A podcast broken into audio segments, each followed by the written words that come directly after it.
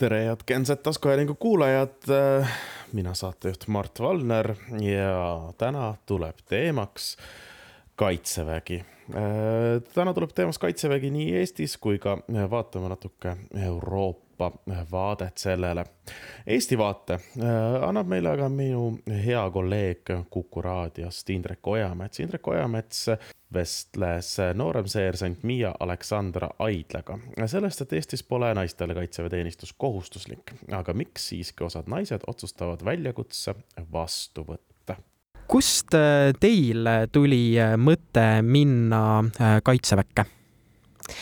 Ja tegelikult äh, õppides siis Tartu Ülikoolis riigiteadusi tekkis suurem huvi nii-öelda kaitsepoliitika vastu ja mõtlesin, et aga miks mitte minna.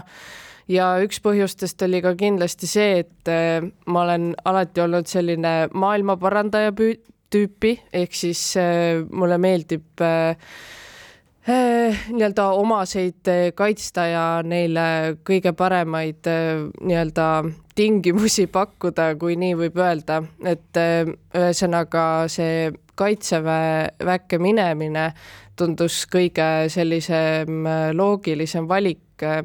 Jah, et kuidagi kõlksus see tollel hetkel minu elus ja minu mõtetega väga hästi kokku. kuidas see Miia Aleksandra erineb sellest Miia Aleksandrast enne siis kaitseväkke minekut? väga palju mina ise tunnen, et, et pärast seda kogemust ma kuidagi näen maailma hoopis teistmoodi, ma olen kuidagi palju enesekindlam, palju realistlikum, võib-olla, et kui varem olin ma selline noh, tihtipeale natuke naiivne võib-olla, et siis pärast seda kogemust ma ikkagi tunnen, et endasse usku on rohkem ja sellist vaimset tugevust on ka kindlasti juurde tulnud aga räägime sellest praktilisest poolest ka, et see otsus vastu võtta ja kõik see nii-öelda paberimajandus, et noh, meestel, kes on siis kaitseväekohuslased, keda siis alguses palutakse siis tulla sinna arstlikku komisjoni, et noh, seal saadetakse teade, no naistele selliseid teateid ei saata, sest nad ei ole, nendel ei ole seda kohustust minna kaitseväkke, aga kuidas siis see kõik see pool välja nägi, et kuhu te pidite mingisuguseid pabereid saatma? ma saan aru, et pidite ka ju arstlikus äh, komisjonis käima, mismoodi kõik see välja mm -hmm. nägi? ja äh, selles mõttes äh, kõigepealt siis saatsin nii-öelda Kaitseressursside Ametile avalduse sooviga siis võtta kaitseväe kohustus ja, ja pärast seda juba tegelikult saadetakse ka sulle nii-öelda arstliku komisjoni teatis, et enne kui selle saab võtta üldse, et siis tuleb arstlikus komisjonis käia. ja arstlik komisjon äh, oli nii nagu kõigil teistel, selles mõttes ei olnud seal äh, midagi teistmoodi, mida võib-olla meestel on, aga ja pärast seda siis juba tegelikult arstliku komisjoni lõpus küsitakse sinu nii-öelda mõtted ja vaated üle, et kuhu sa sooviksid aega teenima minna, mis sinu nii-öelda ambitsioonid on ajateenistuse mõttes. ja pärast eh, siis seda tuleb ka siis see ajateenistuse kutse välja, et see saadetakse siis hiljem järgi. eks nad üritavad siis nii palju sinu soovidega arvestada, et, et selles osas on eh, kõik väga okei okay ja ladus kus äh, teie aega teenisite? mina teenisin aega esimeses jalaväebrigaadis suurtükiväepataljonis et äh, alguses ma küll soovisin üldse luurekompaniiga liituda, kuid äh, kahjuks olid seal juba äh, viimaseks äh, formeerimise päevaks olid kohad täis, et äh, aga siis pakuti sinna ja mõtlesin, et aga see tundub ka ju täitsa, täitsa vinge selgitage, mis seal see väljaõppe fookus äh, täpsemini oli?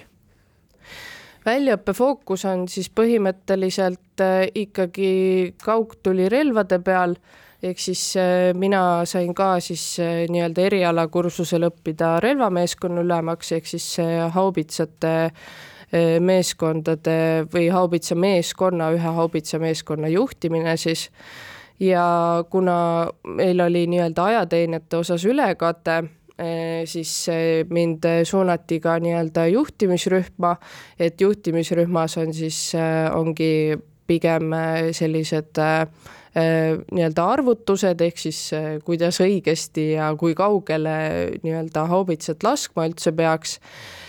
et olin siis seal rühmas ja sain siis ka nii-öelda rühmavanema nii-öelda toimetusi teha. Ja eks ta nii-öelda rühmavanema töö on ilmselt nagu igas äh, nii-öelda üksuses ja rühmas, et äh, organiseeribki siis äh, kõik vajamineva ühe rühma jaoks, et, et see on ilmselt ikkagi läbilõikavalt täpselt sama aga kuivõrd naissoost inimesi koheldakse Kaitseväes kuidagi teistmoodi, seepärast et noh, lõviosa ikkagi on ju mehed seal?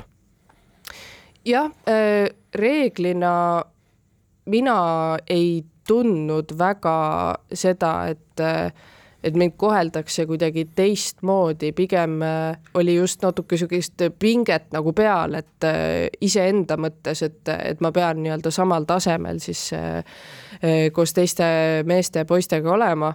et ja nad eeldasid ka sellist nii-öelda pingutust meie poolt, et eks nad ikka arvestavad, et selles mõttes, et naistel on võib-olla juba geneetiliselt ju antud äh, natukene vähem kui äh, meestele, aga selles osas ma otseselt ei tundnud küll, et oleks eriliselt, ma vahepeal võib-olla ise kujutasin ette, et umbes mind koheldakse ebavõrdselt ja olen seda pikalt analüüsinud, aga tänaseks ma olen aru saanud, et äh, tegelikult see nii ei olnud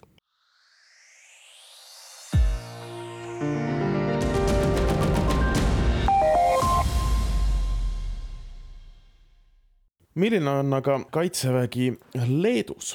Äh, seda rääkis meie äh, headele äh, kolleegidele Arunas Baltšiunas, kes on siis kohaliku Kaitseressursside Ameti vastejuht. Tai jeigu kalbame apie Europos šalis, tai valstybių, kurios turi įvedusius privalomą karo tarnybą, nėra daug ei galbūt see artimiausia mūsų kaimynai tai Eesti. kui me vaatame Euroopa riike, siis väga vähestes neist on äh, kohustuslik kaitseväeteenistus. võib-olla äh, tuua näiteks meie äh, lähemad naabrid Eesti, Soome, Rootsi, Norra, Taani, Austria, Kreeka. Küprost võib ka mainida Euroopa riikidest, kellel on veel kaitseväe kohustus. Euroopast väljapool äkki tuua näitena ka Iisrael, mida tuuakse tihti eeskujuks kui räägitakse kohustuslikult kaitseväe kohustusest. aga neid riike pole palju. Suurtes riikides nagu Saksamaal, Prantsusmaal või Hispaanias ei ole kaitseväe kohustust. Leedus ei ole naistele kohustuslikku eh, kaitseväe kohustust, aga nad saavad valida oma vabal tahtel, eh, kas nad tahavad teenima minna kahe tuhande viieteistkümnendast aastast, äh, kahe, kui naases kaitseväekohustust aastani kaks tuhat üheksateist, on naiste arv kasvanud kaitseväes. kahe tuhande üheksateistkümnendal aastal oli peaaegu sada viiskümmend naist, kes tulid äh, kaitseväkke aga pärast seda äh, pandeemia ajal on number hakanud langema ja on langenud üheksakümneni. eelmisel aastal oli meil ainult seitsekümmend kolm tüdrukut, kes olid valmis kaitseväes teenima. generatsioon Z podcast saade valmib koostöös Euroopa raadiote võrgustikuga Euronet pluss, mõista Euroopat paremini